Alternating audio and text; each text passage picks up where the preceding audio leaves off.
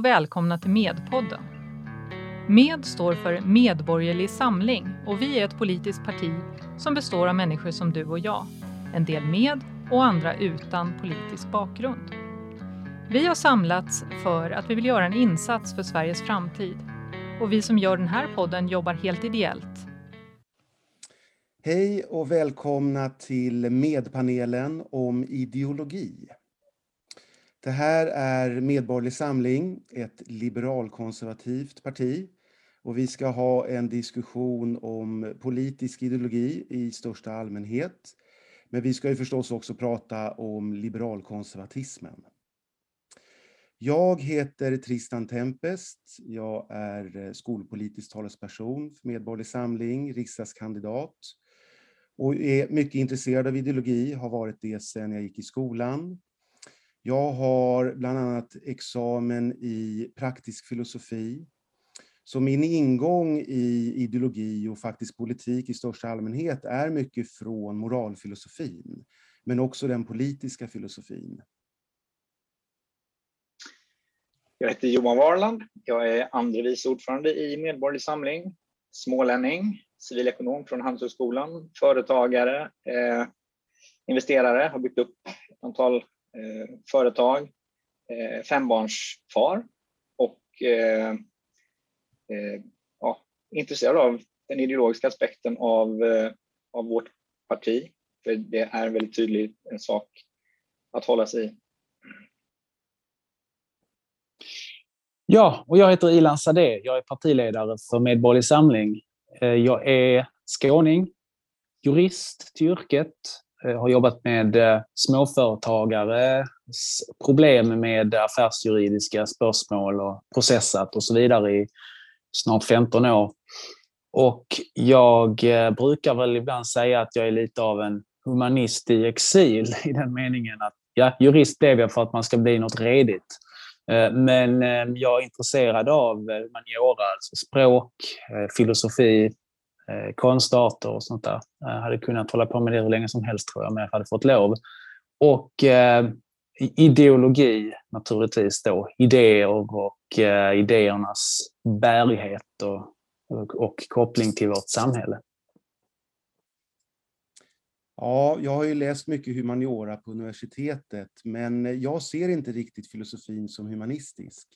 Eh, det, vi kanske kommer in på det, vi får se, men jag har mycket en biologisk ingång, en naturvetenskaplig ingång. Mm. Det var den klassiska ingången, var det inte så? om vi går tillbaka till de gamla grekerna så var väl filosofi läran om, om varat, va? Ja, det är mer en 1900-talsidé kanske från, från Heidegger. Men visst, Aristoteles hade en mycket biologisk syn på mm. moralfilosofin till exempel. Ehm, jag tänkte vi skulle inleda samtalet om ideologi med att prata om pragmatismen som på något sätt är frånvaron av ideologi. Och om att eh, ibland så används det här begreppet ideologi som ett skällsord i politiken. Och jag tänker att ehm, ibland då så får eh, det ena blocket kritik för att de driver politiken eh, i en ideologisk riktning eh, trots att det blir sämre. Eh, därför att de har någon grundläggande idé om att man ska då gå i den riktningen fast det inte blir ett bättre samhälle av det. Och man kan ju också prata om ideologiernas död, att partierna har närmat sig varandra jämfört med hur det var för över ett halvt sekel sedan. Och att ehm, partierna i vår riksdag, de eh, kombinerar och blandar ideologier ganska fritt. Eh, egentligen både liberalism och socialdemokrati och till viss del konservatism och så. Nära nog alla gör det. Eh, så ideologin är på något sätt, den är utskälld och den är lite död. Eh, och ehm, jag tycker att ideologin verkligen har en viktig funktion. Men hur ser ni lite grann på det här med ideologi i politiken? Är inte det här med pragmatism, eh, har inte den koppling till eh, hur i Sverige så bedrivs mycket av politiken i kommuner och eh, regioner där ska man säga, ramverket redan är satt av lagstiftningen som riksdagen mm. tar. Eh, vilket innebär att det finns inte utrymme för ideologier i kommunerna till exempel. Eh, därför att de jobbar i en, eh, jag skulle säga socialistisk eller ja, men, väldigt socialistisk eller socialliberal, eh, socialliberal ramverk med eh, väldigt stora lagstiftade åtaganden genom kommunallagen, eh, plan och bygglagen, eh, hälso och sjukvårdslagstiftning och så vidare.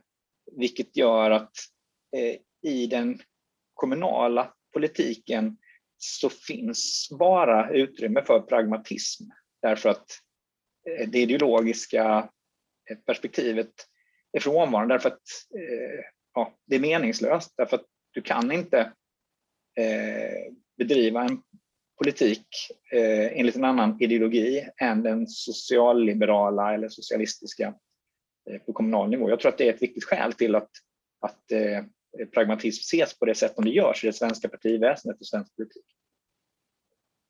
Mm. Jo, det ligger nog någonting i det.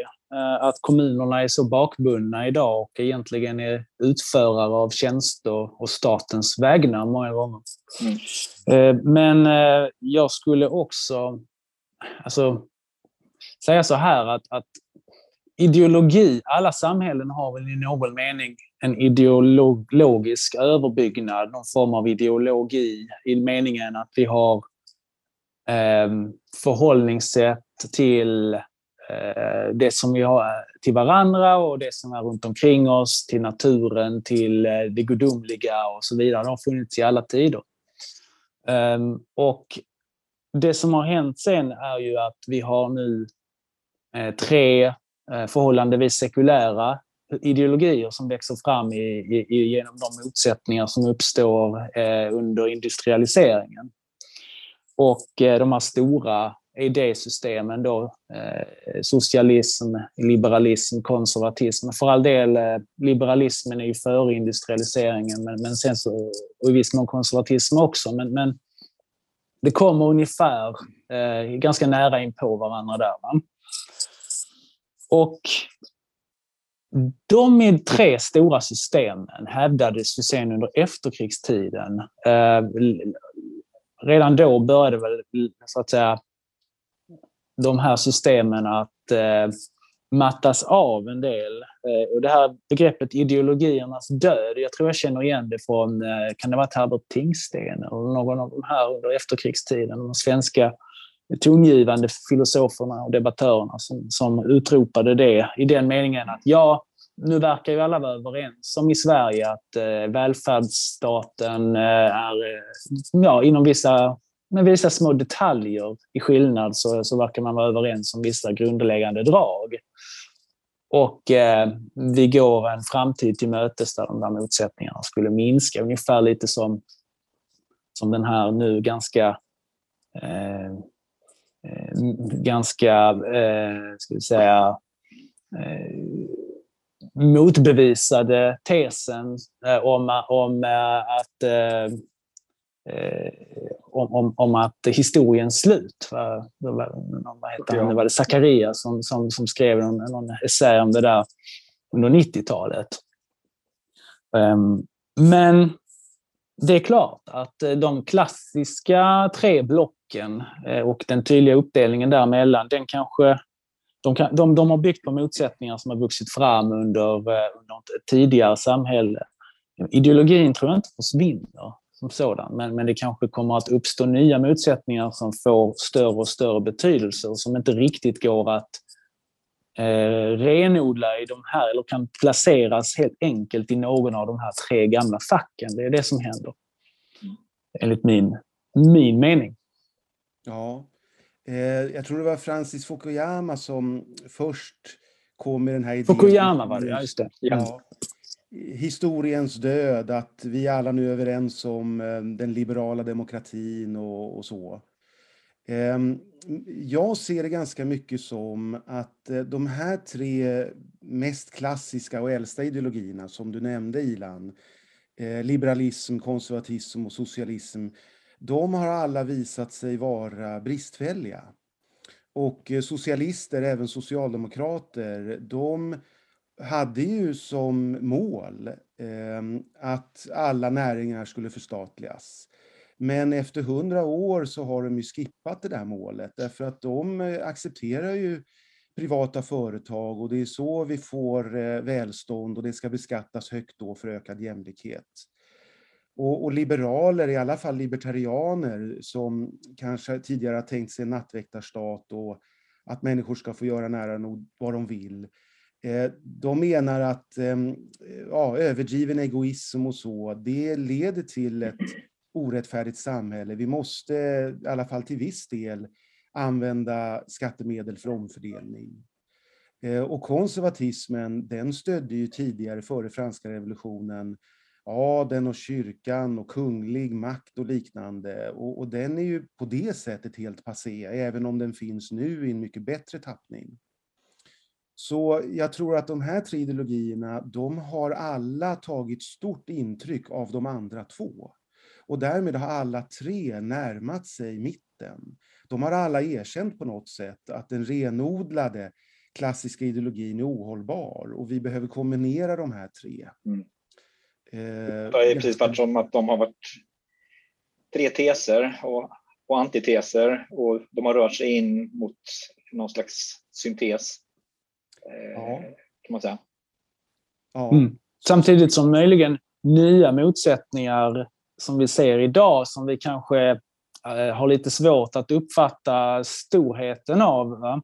Eh, kommer kanske då att, att innebära att nya eh, nya ideologier så småningom formas. Men det är alltid svårare att se det när man lever mitt i skeendet än att ja. Eh, se det när, så att, retrospektivt eh, mm. när, vi, när vi har kommit längre fram i tiden och tittar tillbaka. Mm.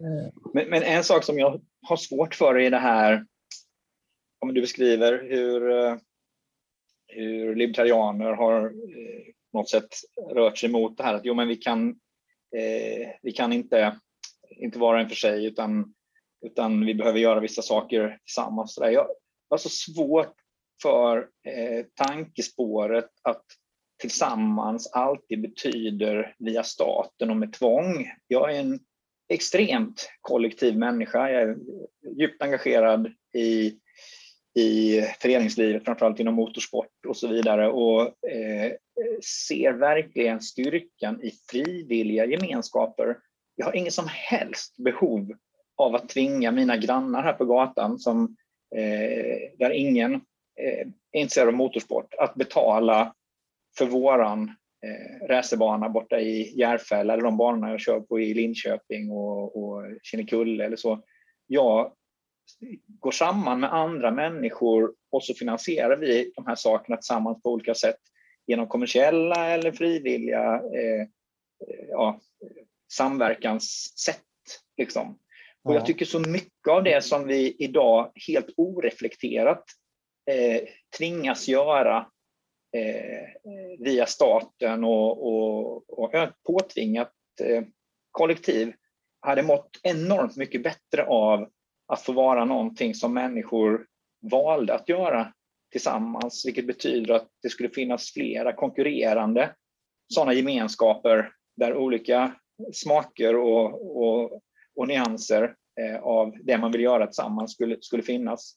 Eh, och det tycker jag är enormt sorgligt att det är så borta ur den ideologiska debatten, att man förväntas vara någon slags egoist och var och en för sig person bara för man är höger när jag egentligen är egentligen väl så kollektiv kollektivt orienterad som många vänstermänniskor jag känner, det är bara att jag tycker inte att påtvingade kollektiv eh, är rimliga mer än i ett fåtal fall då, som är kopplade till, eh, till landets eh, yttre försvar och inre säkerhet och rättsväsende och några andra sådana här kärnfunktioner som vi behöver för att hålla ihop landet och skydda det. Liksom. Det där är en viktig punkt som Medborgerlig Samling har. Mm. Socialdemokratins idé om att eh, godheten ska komma via staten har ju förstört det levande civilsamhället. Yes. Och vi i Medborgerlig Samling vill ju återuppväcka eh, civilsamhället mm. och minska statens roll och låta engagemang från invånare eh, kanalisera mycket av det kollektiva och, och, den omtanke och det samarbete som samhället behöver. Ja, det hade till exempel... Ja, det hade till exempel varit en, tar inte upp det. Ja, ja, det hade till exempel varit en väldig skillnad i hur eh, flyktingmottagningen hade fungerat om det var någonting som finansierades av de som engagerade sig i det. Att det alltså inte var så som det är idag att, att eh, man har rätt till eh, andra människors pengar eller man har rätt bara att få åka till, till eh, Migrationsverket och, och anmäla sig så har man rätt att få resan betald och så vidare av, eh, av skattemedel. Liksom. Där det istället var så att ja, men den som eh, vill ta emot människor och hjälpa människor gör det för sina egna pengar och engagerar sig på ett mer personligt plan. Det hade varit eh, enormt mycket lättare att få lagom proportioner på på migrationen och eh, den hade blivit mycket mer ska man säga, eh, flexibel och eh, resilient. Vi hade aldrig hamnat där vi hamnat om det hade varit människor själva som hade fått hantera detta. Så det tycker jag är ett exempel där det hade varit enormt mycket bättre med frivilliga gemenskaper och frivillig finansiering. Mm. Mm. Nu är ni inne på, i och för sig nästan att brandtala lite för liberalkonservatismen. Yes. vi, vi, är väl på väg dit, eller hur? Uh, ja. Och jag håller fullständigt med. Um, det jag tänkte bara, jag tänkte bara ta och fånga upp en annan fråga som, som Tristan ställde alldeles inledningsvis om är inte pragmatism bättre i, i stora hela? Varför ska man vara så ideologisk och så vidare? Ska vi inte bara ta och göra sånt som funkar? Liksom? Eh, visserligen hör ju den där inställningen lite eh, till konservatismen och vi kommer väl in på det om en liten stund kanske. Eh, den har lite, lite beröringspunkter med, med det konservativa förhållningssättet.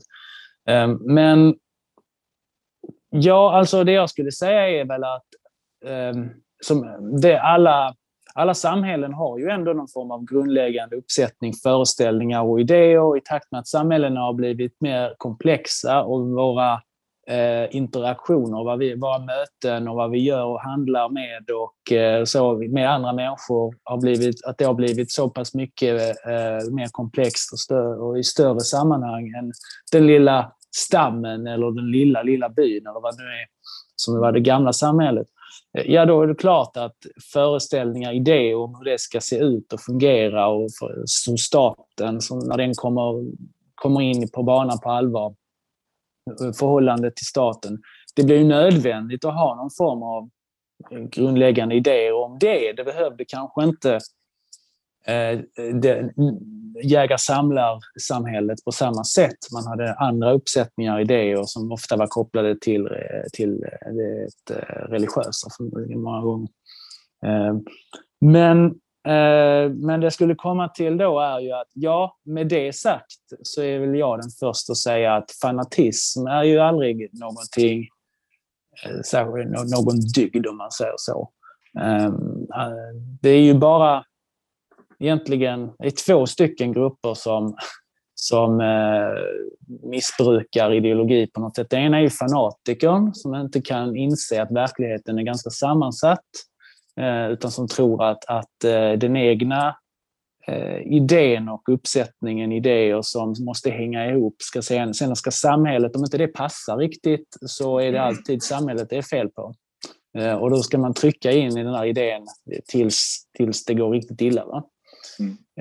Och den andra gruppen, ja, men det är sådana som är mer åt det infantila hållet egentligen, som tänker att nej, ni vet, barn, det är egentligen bara barn så här infantila människor som inte erkänner att det finns motsättningar som är svåra att förena. Alltså man kan inte hitta en perfekt lösning alltid.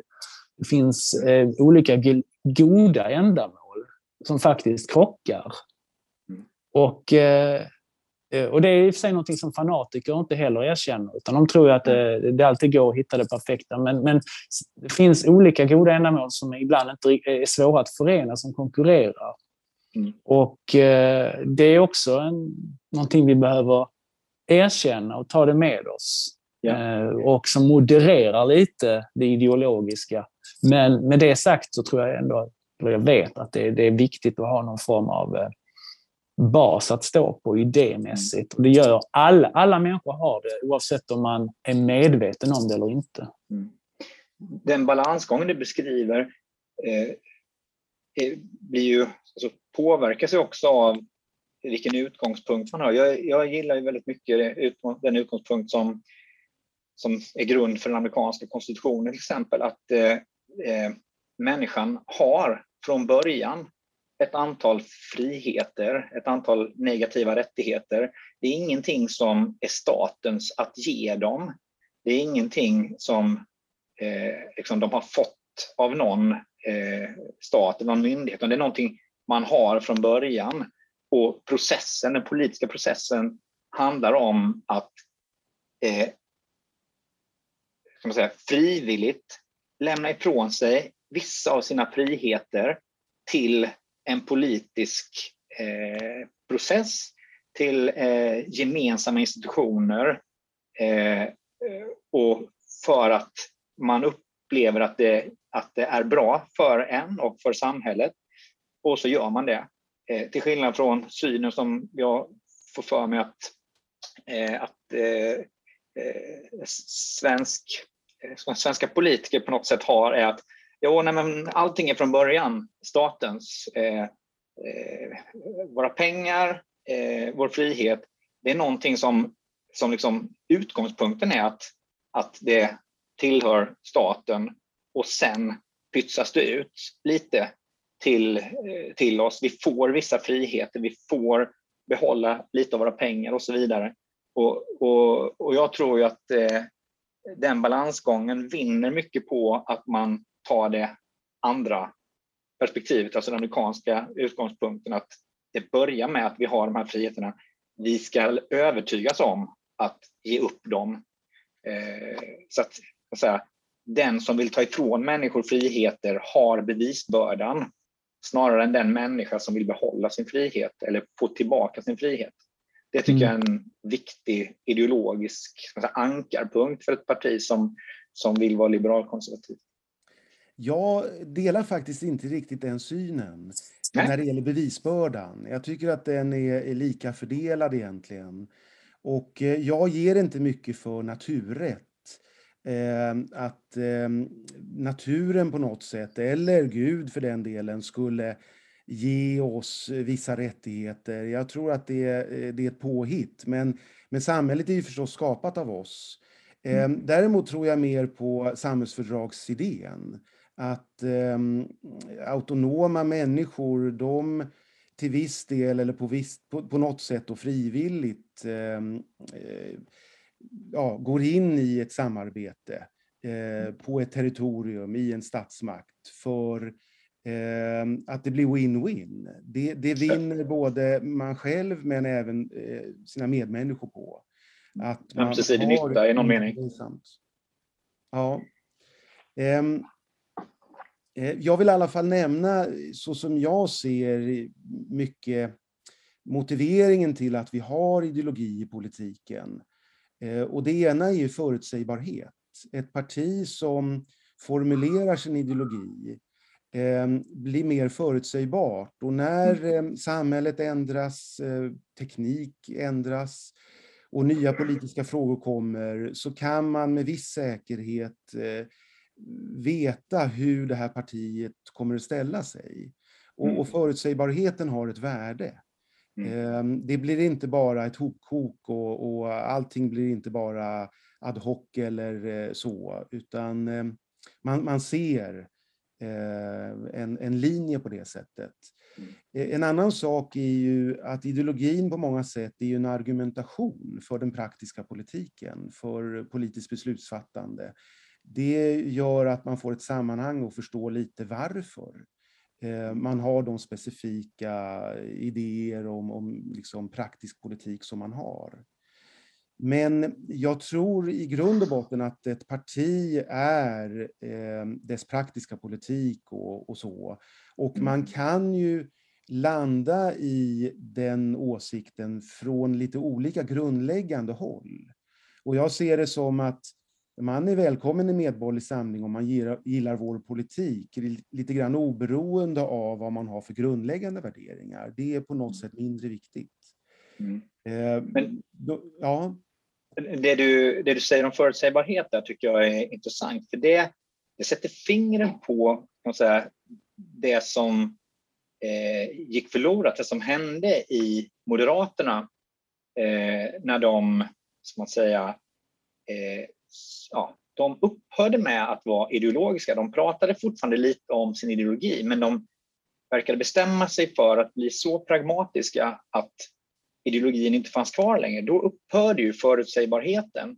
Det var därför vi var så enormt många ska man säga, borgerligt sinnade eh, väljare i Sverige som eh, reagerade väldigt starkt på, på decemberöverenskommelsen och en lång rad sådana överenskommelser och de här artiklarna om att det var bra att äga, äga företag tillsammans och sådana här saker som, som Moderaterna eh, skrev. De, eh, det var ju just ett uttryck för att den ideologiska kompassen var lite ställd åt sidan och då upphörde förutsägbarheten och plötsligt gjorde de saker som, ja, som väljarna eh, ja, upplevde inte var i linje med, med den varken liberal eller konservativ eller liberal konservativ ideologi.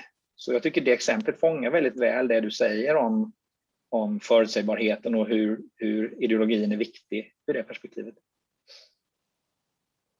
Jag tror att många av oss eh, på högersidan, på den borgerliga sidan, var ganska kluvna och ambivalenta kring de nya moderaterna det gick ju bra i val, Reinfeldt blev statsminister, det var framgångsrika år under den första mandatperioden på vissa mm. sätt. Och eh, jag gillade det till viss del, eh, därför att pragmatismen har ju en nyttomoralisk eh, del. Det, det finns mm. någon idé där om att, att vi, vi ska göra det så att det blir bra. Och eh, visst eh, gick Moderaterna i sin retorik åtminstone och även på andra sätt eh, in mot mitten, till vänster. Och, och, ehm, det blev inget bra med mm, försvarspolitiken till exempel. Men eh, det var pragmatiskt så tillvida att det blev en borgerlig regering. Inte mm. ordentligt borgerlig, men ändå mm. bättre än socialdemokratisk regering. Och eh, genom att sänka skattesatserna så ökade ju till och med skatteintäkterna. Ja. Eh, vilket tyder på att Socialdemokraterna hade drivit högskattesamhället så långt så att man hade passerat Laffekurvans maximipunkt på något sätt. Och det yes. blev win-win. Och, och, jag var enormt lycklig på många sätt under de där första åren. Mm. Um, så att det, det gäller väl att ha en balans mellan ideologi och pragmatism. Mm. Uh, och det blev inte helt bra där, framförallt inte mot slutet. Uh, och det var väl den här uh, migrations politiska överenskommelsen med Miljöpartiet redan 2011 mm. som började göra att det, det spårade ur och, och, det blev ganska olyckligt, framförallt den andra mandatperioden för Reinfeldt. Mm. Um, men vi kanske ska gå vidare och titta framförallt på liberalismen och konservatismen. Eh, Medborgerlig Samling är ju inte ett renodlat eh, liberalt parti.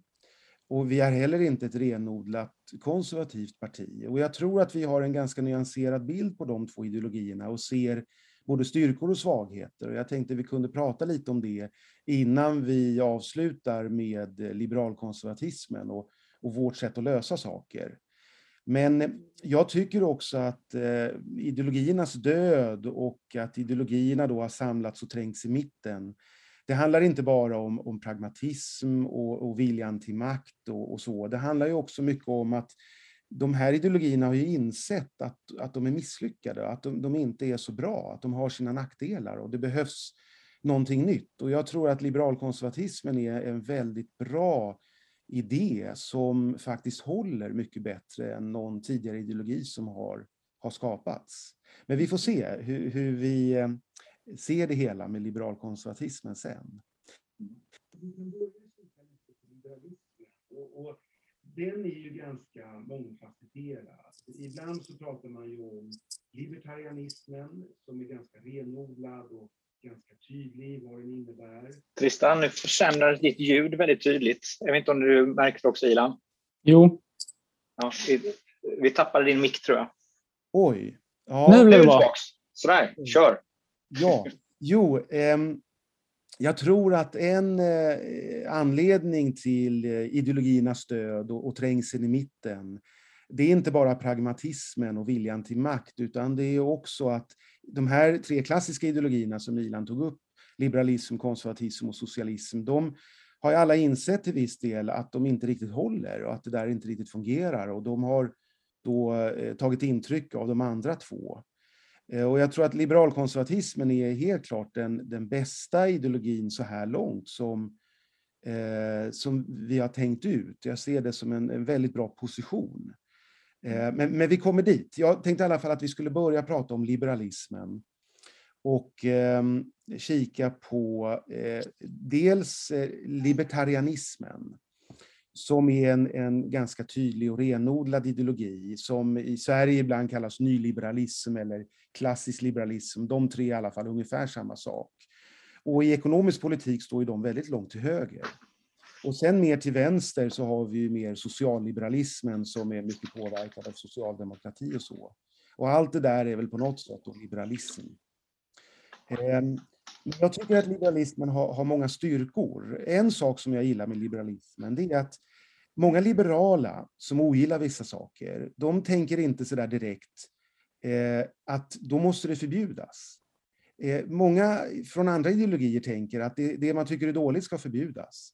Men Liberalerna har inte riktigt den idén och den ådran och jag tycker det är en väldigt stor styrka.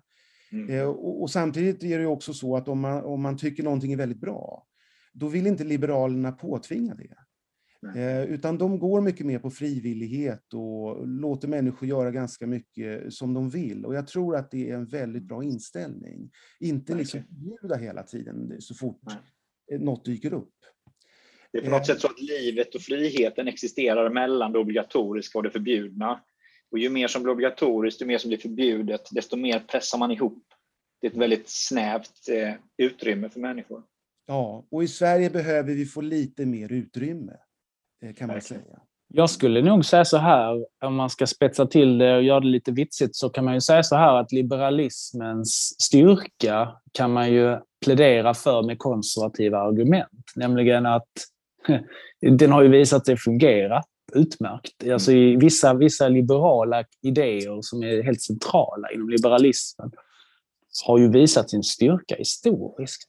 Alltså vi pratar ju om sådant som religionsfriheten som kom efter religionskrigen i Europa. Vi har talat sådant som eh, skydd för den egna äganderätten. Eh, sådant som de tidiga liberala filosoferna eh, och politiska filosoferna tog, eh, tog upp. Innan hade vi ett samhälle där kungens män kunde komma och ta din egendom och kunna, kunde våldgästa dig hur, du ville, hur de ville och så vidare näringsfriheten. Eh, I, den gamla, I 1734 års lag så står det fortfarande ett kapitel som lyder i handelsbalken, tror jag det är. Nu är det raderat, det står bara rubriken är kvar. Va? Eh, jag tror det, det lyder hur burskap vinnas små. Eh, burskap är alltså Eh, den gamla rätten att få bedriva handel i städerna. Det var i städerna man fick bedriva handel. Det är därför de, många städer i Sverige heter köpingar. Därför att eh, det var liksom bara på vissa ställen man fick lov att, att handla. Eh, näringsfriheten kommer sen då och bryter upp gillen och skrån och hela den biten. Och meritokratin som följer med det, alltså att nå eh, den skarpaste hjärnan eller den med bäst handlag för att göra just den här varan. Eh, må det gå den personen väl och sätt inte massa hinder. Mm. Eh, de här sakerna har ju visat sig vara otroligt framgångsrika och släppt fram en potential hos människan som en kraft som finns hos människor som, som har lett till, till tillväxt, till välstånd. Så att jag ibland tänker jag att många liberaler kanske fastnar i någon form av sån här eh, tuggande av gamla teser som ibland kan vara ganska meningslösa. Som till exempel det här, ja, ja men man ska ju få göra lov att göra vad man vill så länge man inte skadar någon annan. Nähä, och var går den gränsen då? Vi är ju sociala varelser, vi rätt så snabbt börjar vi skada någon annan. Alltså, det är ganska svårt att, att på ett väldigt teoretisk nivå hålla på och, och Ehm, rättfärdiga eller hitta den här perfekta eh, tesen som ska hålla i alla väder. Men eh, frihetlighet, att man har en idé om att statsmakten, tidigare kungamakten, numera staten, eh, ska eh, vara begränsad i vad den får göra. Och att det ska finnas en eh, domstolar som håller ordning på det hela. Att det finns en grundlag som håller ordning på det hela. Den typen av idéer har ju visat sig otroligt viktiga.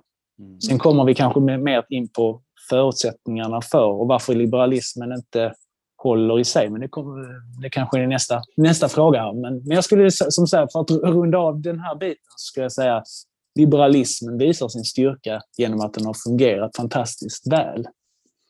Ja, att, att eh, kika på eh, västerlandets historia och eh, de liberala länderna, framförallt Nederländerna och England och sen Storbritannien och, och, deras väg framåt. Eh, de kommersialiserade jordbruket, blev av med svälten och de har haft the rule of law och, och mycket har varit väldigt framgångsrikt. Och de har också, framförallt Storbritannien, kombinerat liberalismen med, med mycket konservatism också. Ehm, så jag tycker att historien absolut ger Eh, Eh, liberalism och till viss del konservatism, ganska mycket det liberalkonservativa egentligen, eh, mycket rätt. Och, och, jag är en varm anhängare av västvärlden och, och de västliga liberala demokratierna. Eh, det, det, är vägen framåt och det är det som har varit framgångsrikt och också som har framgångsrikt motarbetat fascism, nazism, kommunism och allt möjligt. Ehm, Andra saker som jag gillar med liberalismen det är att andra ideologier tenderar att vara alltför kollektivistiska och, och eh, påtvinga någon form av altruism och att man inte ska få vara partisk. Eh, och jag ser ju människan rent biologiskt som en, en partisk individ. Man behöver inte vara så väldigt egoistisk nödvändigtvis. Man bryr sig om sina nära och kära och visar dem altruism. Men eh, det är inte så att man är opartisk och älskar alla. Man älskar sina nära och kära.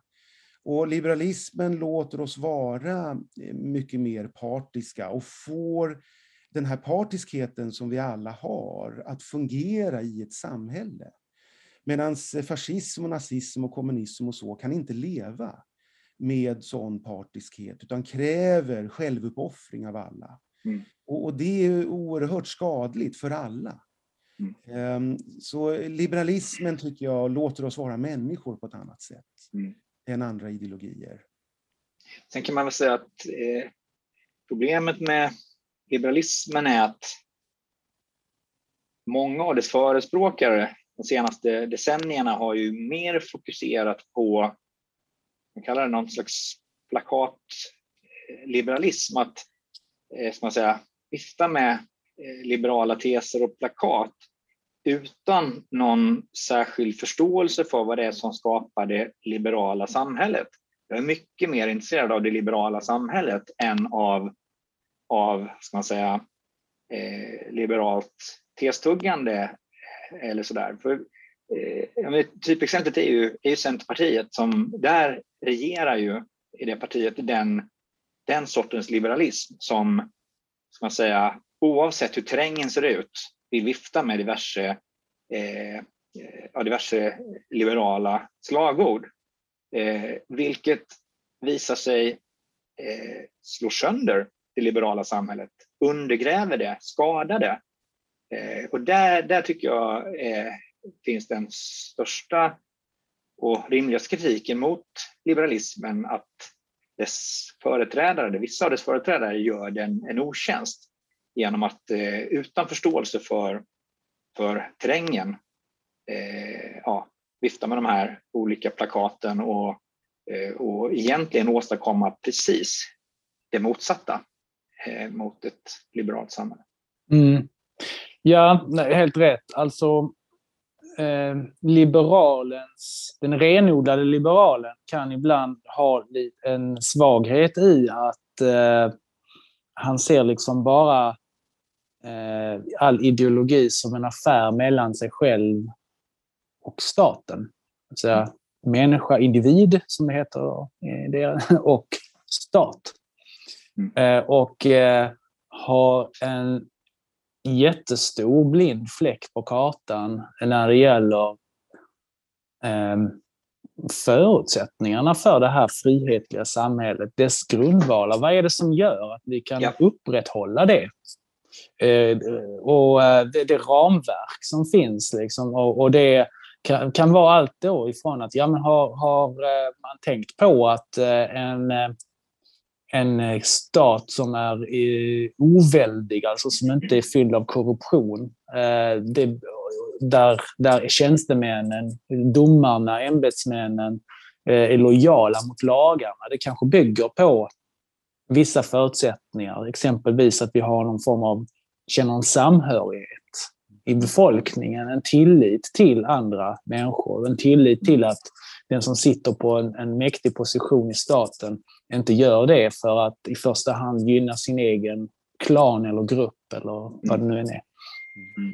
Den typen av tankar är eh, många i den liberala debatten i Sverige är ju fullständigt analfabeter när det kommer till det mm. området. Och det har retat gallfeber på mig väldigt länge eh, mm. innan vi satte igång med Borgerlig Samling. Alltså. Att, mm. eh, att man är så dum, rent ut sagt. Att man inte ser att det finns eh, vissa svagheter här. Och jag skulle faktiskt inte skylla de svagheterna på de tidiga liberala eh, eller filosoferna. Därför att för dem så var ju de här liberala eh, teserna och idéerna, det var ju ett, ett, ett sätt att möta problem som var akuta i deras samtid. Mm. Men ingen skulle väl få för sig, tror jag, eller att, att eh, på 1700-talet eh, eh, tänka sig liksom en annan idé än att, att man skulle liksom ha någon form av samhällsgemenskaper. Även om det var före nationalstaten så hade man väl då mindre gemenskaper i samhället helt enkelt. Byar och så vidare där man mm. samarbetade ihop. Alltså, om, de, om de gemenskaperna på något sätt skulle eh, riskera att lösas upp eller hotas. Eller så. Jag menar, det, var, det, var inte, det var inte därför de idéerna kom till. Och om, om nu eh, vissa förutsättningar för det här liberala samhället hotas, då måste vi ju ta hand om det där och mm. se till det och göra någonting åt det. Ja. Eh, så att det där är ju en, en kanske en, en svaghet framförallt i det sätt som en del liberaler i vår samtid tolkar liberalismen. Och du tog upp mm. Centerpartiet till exempel. Och jag, kan ändå, jag skulle vilja påstå att en hel stor del av, av eh, det, ska vi säga, det liberala etablissemanget i Sverige, eh, DNs ledarsida. Liksom. Eh, Timbro i viss mån och en del andra sådana här tankesmedjor och så. De har inte, inte förstått att, att det finns svagheter i, i resonemangen och att man inte kan, som jag var inne på inledningsvis här, då blir de fanatiker. Mm. vill inte erkänna att det finns eh, olika eh, värden och olika eh, andra saker i samhället man också måste se till för att det här ska funka. Mm. mm. Jag, är ju, jag är ekonom, så att, eh, jag har inte man säga, eh, riktigt samma, samma bakgrund som som ni har rent akademiskt, men det finns ett, eh, ett spår inom ekonomin som, som jag stötte på på 90-talet. där Jag läste institutionell ekonomi för professor Johan Myrman. Eh, och I ekonomisk kontext så förde han in just det. Ni tänker en, en värld där det är vinstmaximering och eh, eh, marknadstänk och sådär eh, som blir lite grann motsvarigheten till den liberala ska man säga, eh, renlärigheten eller sådär, så eh, skrev han eh, enormt mycket bra böcker och artiklar och egentligen ja, mutade in en, en, ett helt, helt område inom ekonomin som då eh, tillsammans med några amerikanska eh, akademiker, eh, så kallad institutionell ekonomi, där de just betonade eh, det här hur, hur det byggs, eh, ska man säga, eh, ja, det kan handla om tillit, det kan handla om om institutioner som både är institutioner som har ett namn och ett kontor och en skylt eh, och ett eh, juridiskt ramverk, men också institutioner som finns inne i våra huvuden eh, som man säga, bildar ett, eh, eh, en stomme eh, i vilken, som både begränsar och stadgar upp den här snabba, eh, ja, vad ska man kalla det, eh, det, som, av det som händer i en transaktionsekonomi med, Eh, med ekonomisk frihet eh, och sådär.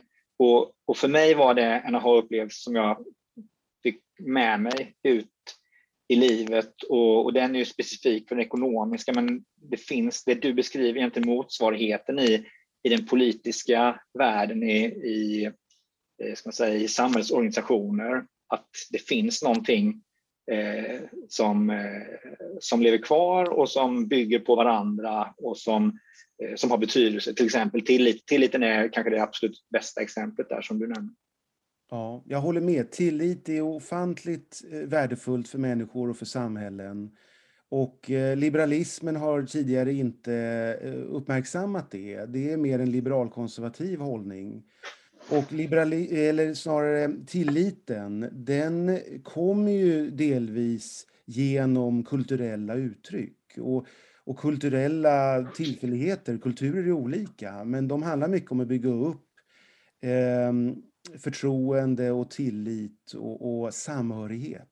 Mm. Eh, och liberalismen har mycket missat det.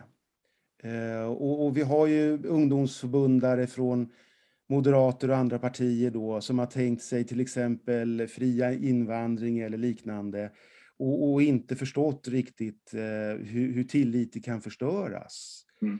Ehm, och just i Sverige med den här statliga synen så har det blivit väldigt misslyckat. Jag tror att mm. i, i Angloamerika, Kanada kanske eller andra länder så, så funkar det bra mycket bättre med invandring när de har mer mm. ett fungerande civilsamhälle.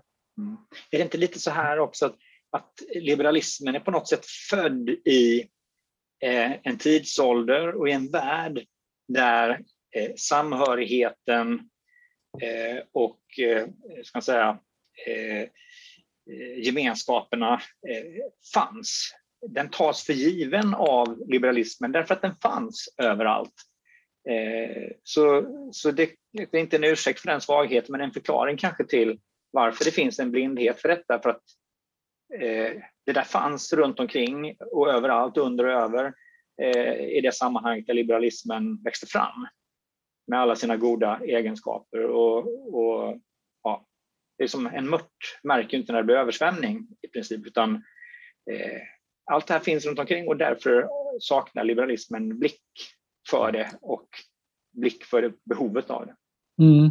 Där knyter vi an till en akademisk debatt som fördes eh, framförallt på 90-talet mellan mm. eh, libertarianer och kommunitarianer, hette det då ju. Eh, alltså libertarians och communitarians. Där Ja, jag måste säga att jag, det, när jag läste några av skrifterna från den här kommunitarianska sidan så vaknade jag rätt mycket eh, och fick liksom en ins insikter om just liberalismens, den re, rena liberalismens möjliga tillkortakommanden. Om man nu ser liberalismen som någon slags eh, fulländat idésystem som inte behöver någonting annat, så, så är, kom ju den kritiken då. Och Eh, Eh, och det var ju just eh, att man kritiserade eh, vissa liberala filosofer under, från 70 och 80-talet från kommunitarianskt håll då, för att de helt missar att samhället, de små gemenskaperna i samhället har en väldigt stor betydelse. Sen har kommunitarianism fått ett lite dåligt rykte senare kanske eftersom man många gånger förknippar det med eh, mångkultur och att, att eh, man ser eh, att, att eh, liksom, kulturella subgrupper måste få behålla sin inre sammanhållning och glömmer att man måste ha den här större överbryggande sammanhållningen.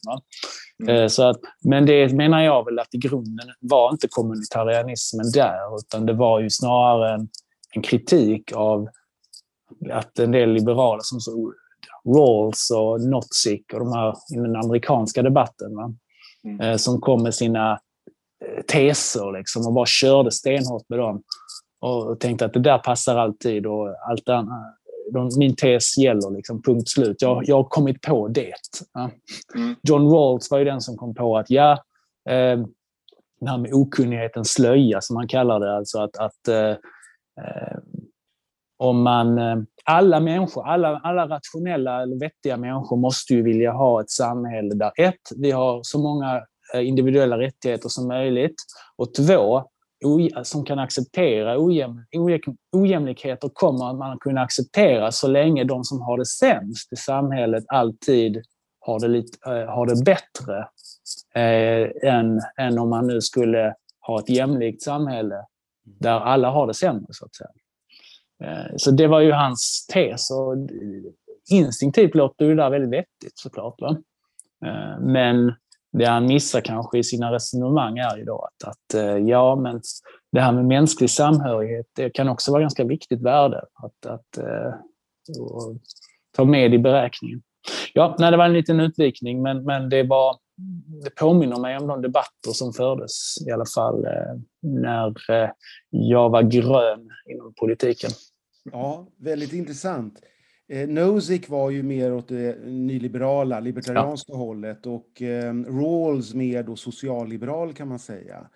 Och, och, hans idé tycker jag är intressant, att man landar inte i socialism men heller inte i, i någon ekonomisk högerpolitik särskilt långt ut, utan det blir en, en kompromiss. Men jag tycker att att Rawls ändå står för långt till vänster i ekonomisk politik och jag tycker att vi behöver ha starkare incitament i samhället. Och, och jag anför det här med partiskhet. Det är inte så att det finns någon okunnighetens slöja där man inte vet vem man är. Eh, man vet man, vem man mm. är och, och, det går inte att trolla bort. Um, så att eh, jag tycker inte heller att Rawls håller. Men eh, det skedde en del eh, givande intellektuell filosofisk utveckling i mitten, slutet på 1900-talet som ehm, socialdemokrater i Sverige verkar väldigt mycket ha missat. Eh, så det finns en, en mycket levande, bra debatt inom det liberala och konservativa. Ehm, jag tänkte vi skulle gå över till konservatismen ehm, som jag absolut tycker har en del svagheter, men styrkorna först. Ehm, och en sak som jag gillar med konservatismen, det är att den på något sätt är, är försiktig och blygsam och, och tänker sig att eh, det som har fungerat, det, det ska vi fortsätta med och ska vi förändra så ska vi göra det med försiktighet och inte allt för snabbt, inga revolutioner. För att om man tänker ut grejer som inte är prövade, då är det stor risk att det går åt skogen. Och, och, franska revolutionen och framförallt eh, ryska revolutionen och en del annat har lett till skräckvälde och, och katastrofer till viss del, framförallt Sovjetunionen. Men även då Hitlers revolution, eh, nazismen, han, han, såg ju sig själv som en revolutionär. Och eh, det, det, är riktigt farligt att ha för mycket hybris om att man kan tänka ut eh, ett bättre samhälle och genomföra det snabbt.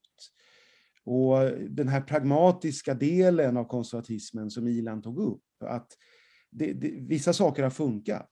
Eh, låt oss bevara dem och förändra dem bara med försiktighet. Det är en väldigt stark tanke. Och jag ser ju mycket biologiskt och eh, konservatismen är ju inte revolutionär utan är mer evolutionär det, det finns en, en, stark tanke att det som har funkat, det har på något sätt, i alla fall till viss del, selekterats fram. Mm. Och ehm, eh, att, att liksom kasta omkull saker, det är, det är verkligen ett experiment. Eh, men det, det, konservativa tidigare, till exempel med eh, en stark kyrka, det är för mig vidrigt. Ehm, eh, det, det samhälle som, som fanns efter medeltiden med eh, kungamakt och adelsmakt och privilegier och så vidare, det behövde ju verkligen eh, förändras och, mm. och försvinna. Och ersättas då inte av socialism utan med liberalism. Mm. Ja, men det, man brukar väl säga att Edmund Burke är någon form av fader till konservatismen. Eh, han satt i England och tittade på franska revolutionen och eh, det började med, med eh, liberté, égalité, fraternité. Eh, och eh, ett par år senare så var det liksom skräckväldet och huvudena eh, rök liksom på löpande band. Och Eh, man kan ju tycka att det är lite smålustigt så här. En del svenskar tycker att liksom, men det kan man väl romantisera lite sådär. Men jag har förstått att eh, franska revolutionen blev faktiskt en ganska blodig historia även för vanligt folk. Alltså det, det var, det blev ett skräckvälde för väldigt många. Eh, och det var väl det som var lärdomen att ta skynda långsamt, kasta inte allt över ända. Det är väldigt lätt att, att ta sönder saker, svårare att bygga upp det. Mm. Eh, och, eh, och vi fick ju som en följd och sen också, ja, det blev väldiga, väldiga eh, skakningar i hela Europa lång tid efter franska revolutionen mm. som kanske hade kunnat eh, äga rum på ett fredligare och lugnare sätt om det hade skett mer evolutionärt. Istället ja. för att, att hugga huvudet av folk till höger och vänster. Uh, men uh, ja, så i grunden har ju, kan man säga konservatismen är väl egentligen inte en ideologi i sig, brukar man många, många gånger säga, utan mer något, ett förhållningssätt till förändring. Mm. Att man säger inte nej till alla förändringar, men man säger Eh, ta det lite lugnt mm. eh, och, och sett, låt oss behålla det som är, funkar hyfsat och förändra, åtminstone förändra det försiktigt. Jag tycker, eh, jag, mm, ja jag tycker jag Lech Ensa sa något väldigt, väldigt bra eh, några år efter att han hade fått eh, städa upp efter kommunismen, eller när han stod mitt i det där, så uttryckte han sig ungefär så här att jo, men det är ju lätt att göra fisksoppa av ett akvarium men det vi har nu att göra är att försöka göra ett akvarium igen av fisksoppa och det är inte lika lätt. Och det är just en sån här insikt om eh, hur, när man river ner, vissa revolutionära processer är irreversibla. Man förstör någonting eh, och det tar mycket längre tid att bygga upp det. Han, eh, han var holländare, Johan Thorbecke hette han väl, han uttryckte det som eh, eh, förtroende anländer till fots men lämnar på hästryggen. Och så är det med mycket av de här institutionerna som byggs upp över tid. Att river man ner dem med en revolution så tar det en väldig tid Eh, att återuppbygga det. Och det, det, det är den insikten, det, delar jag er positiva syn på, på, eh, eh, eh på konservatismen. Eh, det är en stark insikt som vi behöver ta vara på. Mm. Sen kan man ju säga att, att det som Tristan var inne på är, ju, är väl egentligen att konservatismen som rörelse när den uppstår förhåller sig till sin samtid och därför så kanske då framförallt då, eh, ja, det blev väl framförallt under 1800-talet, så vill man bevara kungamakt och kyrka och, och kyrkans mm. makt eh, liksom korset och svärdet och, och eh, ja. Eh, restaurera efter Napoleon. Eh, det var väl liksom konservatismens riktiga triumf då liksom, eh, mm. och så vidare. Um, och, och, jag skulle säga att Napoleon gjorde en hel del som var faktiskt ganska vettigt. Sen kanske processen, hur det gick till, inte alltid var det bästa, men han, han, han stod Nej. samtidigt för en hel del eh, faktiskt väldigt liberala eh, reformer. Ja. Um, men, men det, så att det är klart, då blir ju det så som att säga att många tänker konservatism. Ah, men det är ju att hålla på liksom med punsch och sjunga för kungen och, och tillbaka liksom till något sådär. Och det är väl för att då, då, det var då den, den föddes på allvar. Och så tänker man att ja, men konservatism det är att ungefär stöd, stöd, stödja eh, värden som kom till på 1800-talet eller var starka då och vad man ville bevara då. Idag skulle man nästan kunna säga att konservatism kan ju då lika gärna vara att, eh, att eh, ha, till sitt innehåll, att behålla en socialdemokratisk stat. Ja? Så det kan ju vara, vara, om man nu ser det till någon form av som ett innehållskonservatism. Ja. I USA så är det ju mycket sådana här eh, jag menar abortfråga och family values och liknande. Va? Eh, så att det finns, det finns olika tappningar av detta. Eh, mm. Men det jag gillar är framför allt kanske den mer eh, till, tillvägagångssättskonservatismen eller liksom den här mm. idén om att det är ett förhållningssätt till förändring. Jag, jag, jag tror man behöver, man behöver varje ögonblick zooma ut lite Eh, för eh, i det korta perspektivet tenderar ju bli eh, lite av lite spelteori. Eh, jag eh, läser om Anders Fogelströms eh, trilogi om ja, väv, vävarnas barn och krigens barn och så vidare och, och även läst ett annan 1700-tals eh, fiction och på så sätt eh, fått gå tillbaka lite grann till, till eh, de åren och där ser man ganska tydligt att ständerna och eh, kungamakt och adelsmakt och så här, det, det, blev ett spel, ett spelteoretisk situation där kungen på något sätt lierade sig med, med eh, liksom folkmassan eh, vid vissa tillfällen och sådär. Och, och det ser vi ju egentligen, det händer ju nu också. Så, så jag tror man ska vara försiktig och applicera konservatismen på ett väldigt snävt historiskt skeende, alltså några år i ett, eh, i ett politiskt skeende, utan man ska ska zooma ut egentligen eh, och titta. För det, det vi har sett, eh, ska säga, eh, det här som du beskrev väldigt bra Tristan, om hur, hur konservatismen betonar det här att men det som funkar har man kvar och sådär. Då kommer frågan, det som funkar för vem? Om man tittar på hur det som har byggts upp sedan 1950 och fram till de 70 åren av, av mycket socialdemokratisk hegemoni är ju det som har funkat för den politiska klassen Eh, så man måste, man måste ha det perspektivet också att, att eh, eh ska man säga, eh, man har haft, innehaft makt, man har konserverat den makten och man har liksom kunnat reproducera den, eh, den makten genom att dela ut den, ge fackföreningar särskilda rättigheter, eh, helt enkelt bygga de korporativistiska järntrianglarna som har fört oss hit. Liksom.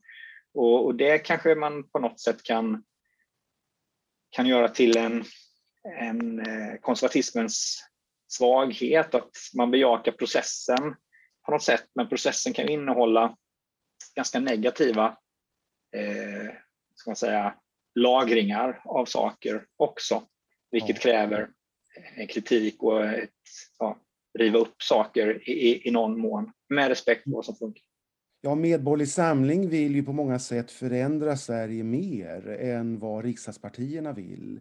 Mm. Och vi är ju en, en starkare opposition mot socialdemokratin mm. än andra borgerliga partier. Så att om eh, konservatism i Sverige sen eh, ja, de senaste hundra åren när Socialdemokraterna har varit störst och mäktigast, och om det är att, att bevara socialdemokratin, då är vi inte konservativa. Jag, jag tänkte också lite på hundra år före franska revolutionen som ju var 1789 så hade England sin ärorika revolution, the Glorious Revolution, 1688 till 89. Och det var ju en oblodig revolution, det blev ingen skräckvälde. Och den revolutionen handlade ju om att i konflikten mellan parlamentet och kungamakten, där parlamentet hade vunnit inbördeskriget i England tidigare då på 1640-talet, så befästes det att parlamentet hade vunnit och det var parlamentsmakt. Och att kungens makt då var väldigt begränsad under parlamentet. Och mm. det blev ju väldigt framgångsrikt. Och eh, det som sen blev Storbritannien på 1700-talet behövde ju ingen fransk revolution för att Storbritannien hade ju redan infört mycket meritokrati och ett samhällssystem som eh, ja, var mer marknadsekonomiskt och, och, mer borgerligt kan man säga. 1800-talet mm. blev ju på vissa sätt efter franska revolutionen borgerlighetens århundrade. Men eh, nederländare och britter hade det redan tidigare. Eh, så att det går att, förändra. Nu kallar man det för en revolution, men det var en mycket mindre revolution i, mm. England. Den ärorika revolutionen. Utan det var ju en, en, en mindre politisk händelse som permanentade parlamentets makt över kungen. Eh, det är fantastiskt liberalkonservativ utveckling där. Mm. Ehm, sen jag håller med om att Napoleon gjorde en del bra och det som hände mycket i Frankrike i och med revolutionen, det var ju bland annat meritokrati som Medborgerlig Samling håller väldigt högt. Men också då minskad makt för eh, de gamla eh, grupperna med privilegier. Och vi är emot politikeraden och, och privilegier på det sättet. Eh, som då före franska revolutionen, eh, det var framförallt kungen och adeln och till viss del prästerna som, som besatt. Det ska bort. Mm. Ett mm. mer eh, fritt samhälle. Så det, det spelar går... väl också en ganska stor roll hur, hur Napoleons armé gjorde väl ganska mycket för läskunnigheten och man, säga, man fick en hel klass som kunde, kunde läsa och skriva, vilket såklart eh, blir på något sätt ett fundament för en modern och mycket bredare, mycket bredare deltagande i samhällsutvecklingen och politiken. Ja, jag tror att eh, läskunnigheten som spred sig mycket, eh, det, det, skedde mycket redan före franska revolutionen, men framför mm. allt efter. Mm. Under borgerlighetens århundrade så, mm. så blev det allmänt i Europa, Västeuropa framför allt. Ehm, så konservatismen, det, är ganska lätt på ett sätt att se styrkor och svagheter och den är ju relativ sin tid på något sätt. Liberalkonservatismen däremot är ju inte lika relativ sin tid, utan det konservativa innehållet där är lite tydligare och det handlar ju mycket om samhällsinstitutionerna och, mm. och, och eh, ramverk, tillit och the rule of law och annat Eh, som eh, behövs då för ett fungerande fritt eh, samhälle. Ehm, men jag tänker mig att konservatismen ändå kan ha på något sätt ett, ett irrationellt inslag, att man, man bevarar ibland för bevarandets skull och ibland om man kan tänka ut någonting bättre så har de konservativa liksom en, en ryggradsreflex att, att hålla emot det. Ta till exempel jämställdhet, och då pratar jag inte specifikt om feminism, utan jämställdhet, att ta bort regler och föreställningar som begränsar eh, könens eh, eh, frihet och agerande och så vidare. Det har ju varit hämmande och varit ett stort problem att vi har haft framförallt kvinnoförtryck genom seklerna. Och, och, vi har verkligen behövt ta bort det och införa jämställdhet. Och det har ju kommit mm. först mot slutet av 1900-talet ordentligt. Det har ju varit en väldigt långsam process. Och de mm. konservativa har ju bromsat och hållit emot och gör det till viss del fortfarande. Eh, så det, det, finns någonting där som, som jag ogillar hos konservatismen, att, eh, att hålla fast vid eh, mm. Värdekonservatism, socialkonservatism, nationalkonservatism. Det är mm. någonting som jag huvudsakligen ogillar, ganska starkt. Men uppfattar du att, att konservatismen är mot jämställdhet? Jag, jag uppfattar att, att konservativa framförallt reagerar på det när man försöker tvinga på, ska man säga, eh, ja, tvinga fram eh, utfallsjämlikhet genom eh, ofrihet och, och väldigt extrema incitament eller sådär.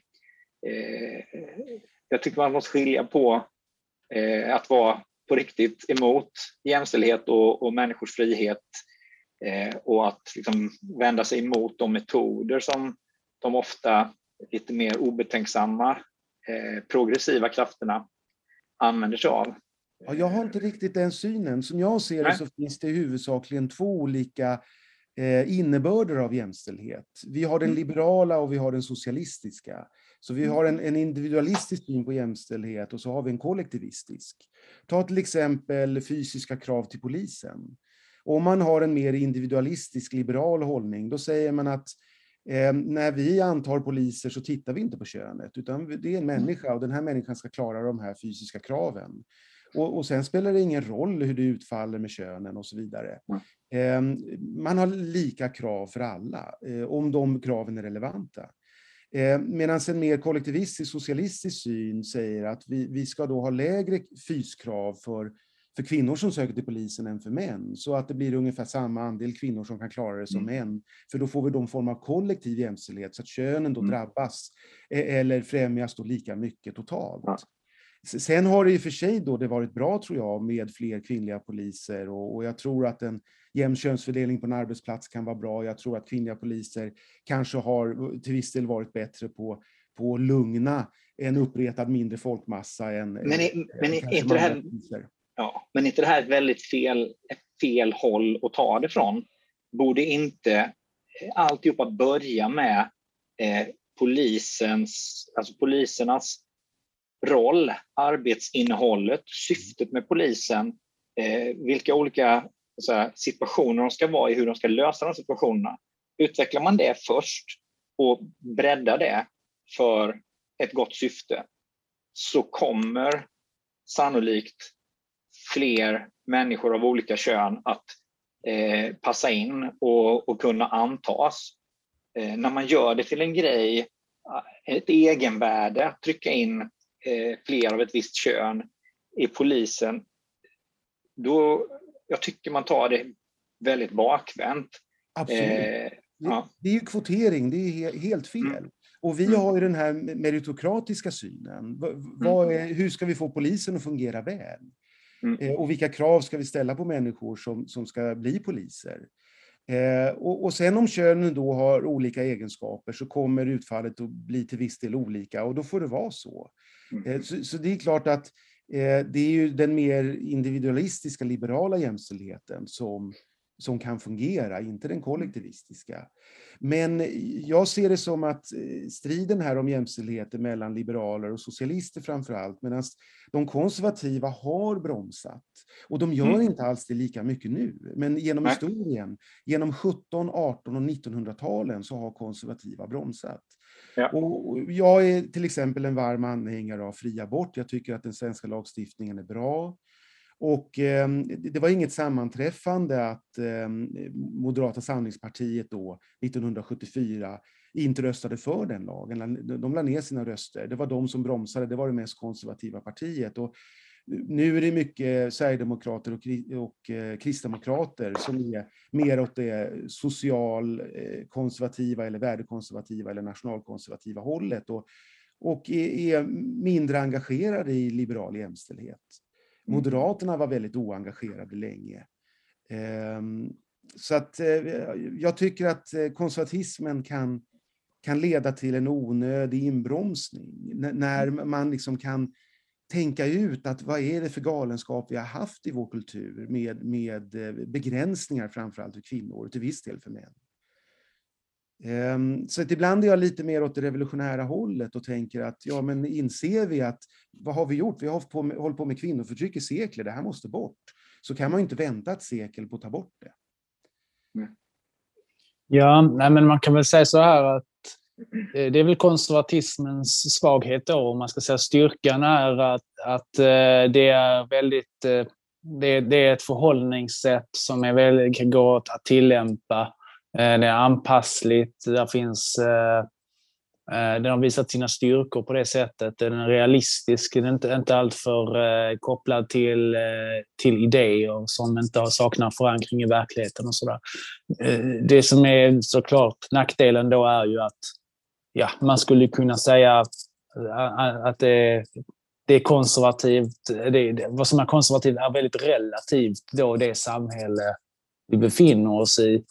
Och det kan ju handla om intoleranta samhällen, samhällen där man faktiskt inte tillåter, på en folklig nivå också, att eh, människors livsstilar är, är eh, olika, att eh, grannen får lov att leva på sitt sätt, att eh, vi ska... Eh, ja, men vi, nu är det väl bäst ändå att, att, eh, att liksom de här barnet som har lyckats så bra i skolan får gå vidare. Det är inte en fråga oavsett om, om, om eh, det här barnets eh, bakgrund är, eh, är från ett fattigt hem. Som är, alltså de här privilegierna som har funnits i samhället som nog inte bara har handlat om lagstiftning utan det, det finns ju värde, värde, värderingar som är ju, djupare eh, rotade i, i folk på många, i många samhällen. Um, och det är därför jag tycker själva kombinationen är viktig då, att, att vi har eh, vi står för, i Medborgerlig Samling för ehm, ett, ett väldigt liberalt samhälle på framförallt då individuell nivå, brukar jag säga. Med, medan då ramverket runt det hela måste vara, eh, ha, bygga på vissa konservativa insikter. Att, att det här, de här mänskliga friheterna, de här toleranta samhället, Eh, Eh, det här samhället som har visat sig så framgångsrikt eh, bygger på vissa förutsättningar på kollektiv nivå också. Ehm, och det kanske är det sistnämnda kan man ju mer då förknippa med vissa konservativa idéer kanske. Att, att, eh, eller, eller insikter om, om att, att mänskligheten fungerar på ett visst sätt. Och jag skulle säga att det kanske också är en konservativ tanke att inte idealisera människan för mycket. Att man faktiskt har en ganska pessimistisk syn många gånger på människan. Och det kan, det kan faktiskt vara bra många gånger. Jag håller med. Det är en realistisk syn på människan. Och det här med att människan bara är god, det är inte en, en bra ansvarsfull hållning. Så människan har både egoism och altruism i sig. Ehm, och människan är ju till viss del ett flockdjur och vill bygga gemenskap och har behov av det, väldigt starka behov. Men också behov av individuell frihet. Så vi får dels trygghet genom det kollektiva och så får vi frihet då genom det individuella. Och jag ser det som att liberalkonservatismen eh, kombinerar det där på, på helt rätt sätt. Ehm, och, och ser behovet Eh, av både trygghet och frihet. Ehm, på, på ett sätt som liberaler och konservativa separat då inte riktigt gör. Eh, och jag, jag ser det som att liberalkonservatismen ser människan som den individ som hon är både egoistisk och altruistisk. Det behövs egoistiska incitament. Vi måste få vara partiska. Eh, men vi behöver också våra medmänniskor och vi bryr oss om våra medmänniskor också. Eh, och det hela är väldigt komplext. Och eh, liberalismen och konservatismen separata, de, de täcker inte upp båda de där sidorna på något sätt. Så det, det är ganska mycket min syn. Mm. på liberalkonservatismen. Och jag väntade i decennier på att eh, kunna engagera mig i svensk partipolitik. Men de här borgerliga partierna, de var för mig oacceptabla. Mycket därför att de hade en, en felaktig blandning, som jag ser det, då, mellan liberalism och konservatism och även socialdemokrati. Och när Medborgerlig Samling dök upp så var det verkligen som att hitta hem. Och, mm. och idéprogrammet, det var bara underbart att läsa med en, en komplex syn och analys av e, e, ett väldigt eh, mångfacetterat samhälle och en väldigt mångfacetterad människa. Mm. Och eh, ser man människan som god istället för eh, ja, ganska mycket både god och ond och, och, och däremellan, så riskerar man att, att styra samhället på, på ett farligt vis. Um, och många ideologier har till exempel enorma problem med, med saker som kriminalitet. Uh, och där ser jag också som att Medborgerlig Samling har en mycket mer ja, sammansatt bild på, på människan. Och jag tycker att det visar sig en del då i, i vår rättspolitik. Mm. Det, vänstern, de, de, de har alldeles förenklad bild på att vi, vi har inget behov av hämnd och vi behöver eh, vårda kriminella och liknande. Eh, samtidigt som, som det är ett samhälleligt problem och delvis samhällets fel. Eh, ja, Nej, människan kan man absolut inte bara se som god. Det, det, då blir kriminalitet ett mysterium. Det är inte ett mysterium. Jag, jag reagerar ganska ofta på hur, hur man vad säga, ställer liberal och konservativ emot varandra och på det sättet säger att nej, men liberal och konservativ är ju, det funkar ju inte, det är ju två liberala och konservativ, de står emot varandra på olika sätt. Jag, jag tycker att det är väldigt tydligt att, ni vet man brukar säga att, eh, att eh, den, liberala, eh, den liberala demokratin hade inte kunnat uppstå eh, om det inte hade varit för nationalismen och nationalstaten. Nationalstaten är den bädd och den, eh, det sammanhang där den liberala demokratin hade en chans att växa fram. Och för de som vill eliminera nationalstaterna och internationalisera, eh, globalisera eh, arenan håller ju på att man säger, i processen eh, förgöra den liberala demokratin. Eh, på samma sätt, det finns en motsvarighet där eh, det liberala samhället vilar på något sätt på eh, eh konservativa insikter och konservativa dygder. Och det är där jag tycker att att eh, det liberalkonservativa eh, fungerar eh, väldigt bra. Det är inte en motsättning och en diskussion om är, är du mest liberal eller konservativ eller är du, ja, de, där är, de där är så liberala, de är så konservativa. Nej, jag känner inte den dragkampen i mig som liberal konservativ, utan jag ser det mer som ett symbiotiskt förhållande och att på olika nivåer så, Eh, så spelar eh, de konservativa eh, dygnaden konservativa alltså institutionerna en jätteviktig roll för att liberalismen ska kunna appliceras och, och ge det som liberalismen har förmåga att skapa som är bra. Och som exempel så tror jag till exempel att det finns situationer när att ösa på med liberalism inte ger någonting bra. Och det är när det saknas den här bädden av eh, välfungerande institutioner med historisk förankring som för demokratiseringen av, av Ryssland efter, efter Sovjetunionens fall. Eh, där hade ju eh, liberalismen enorma problem eh, just därför att eh, det fanns inte eh, den, säga, de institutioner och det underliggande ja, men tillit, eh, en syn på, som människor har på varandra och på överheten som eh, ja, en massa olika saker som, eh, som man, kan, man kan vara konservativ omkring. Det fanns inte där. Och i det vakuum som man försöker applicera liberalismen då så fungerar den inte.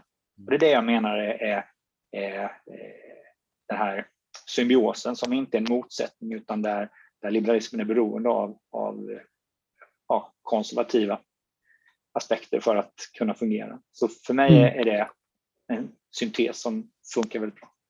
Mm, ja, men jag, jag har väl också hört eh, några gånger sådär att ja, men, eh, de står ju emot varandra, liberalism och konservatism.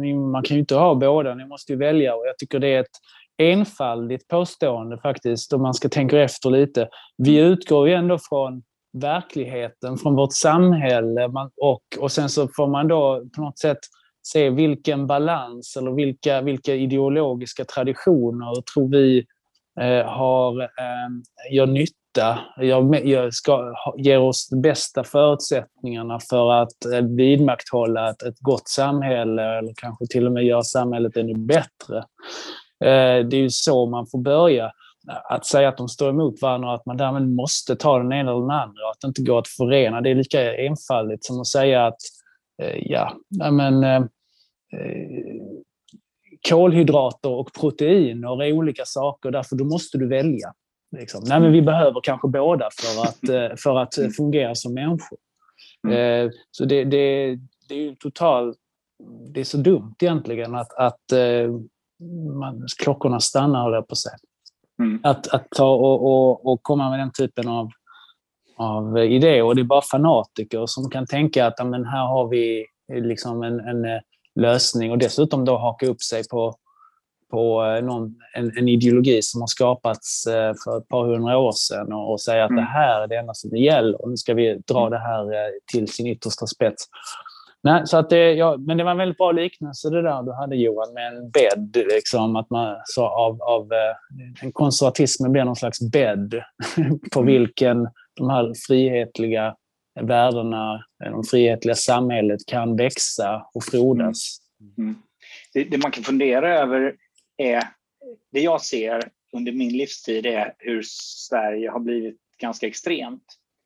Alltså man har drivit eh, ett antal utvecklingar väldigt långt i, i, en, i en riktning. Men när jag, jag är född 1970, då var fortfarande primärvården huvudsakligen privat. Apotek var privata, eh, som ett exempel. Och då valde man att slå sönder det och socialisera det.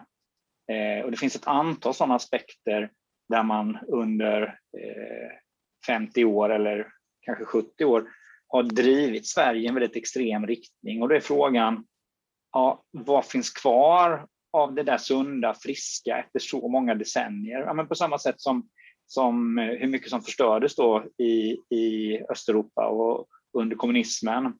Och, och vi måste förhålla oss till, eh, till som, ja, som ett parti som har konservativa drag, så vi förhålla oss till hur djupt måste vi gräva? Hur djupt måste vi backa? Jag brukar ju säga eh, Make Sweden lagom igen.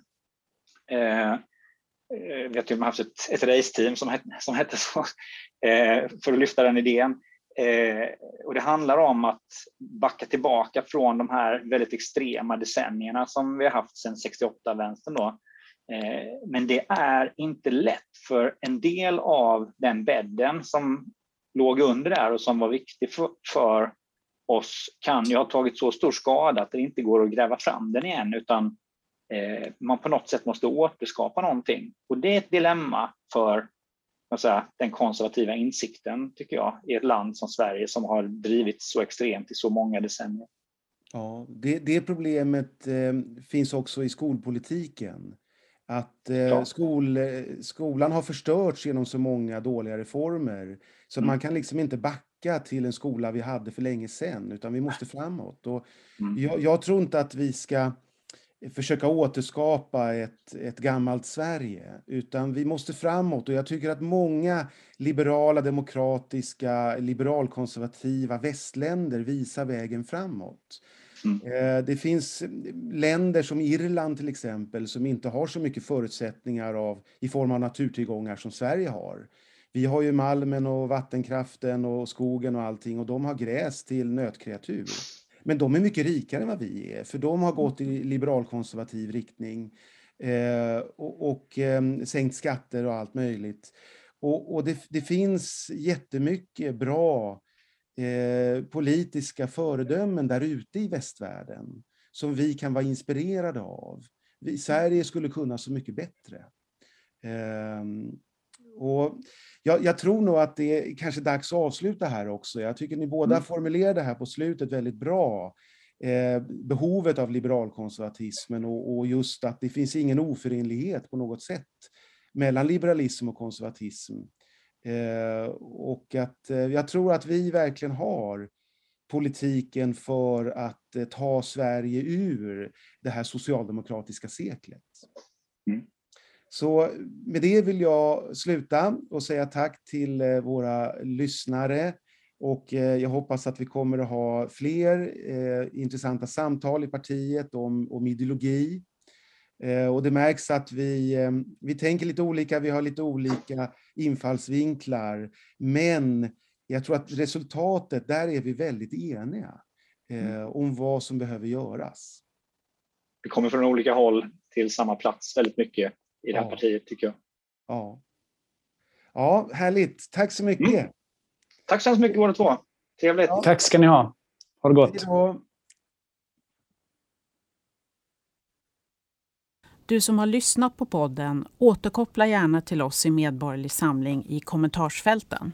Du har nu lyssnat på Medpodden, en podcast från Medborgerlig Samling.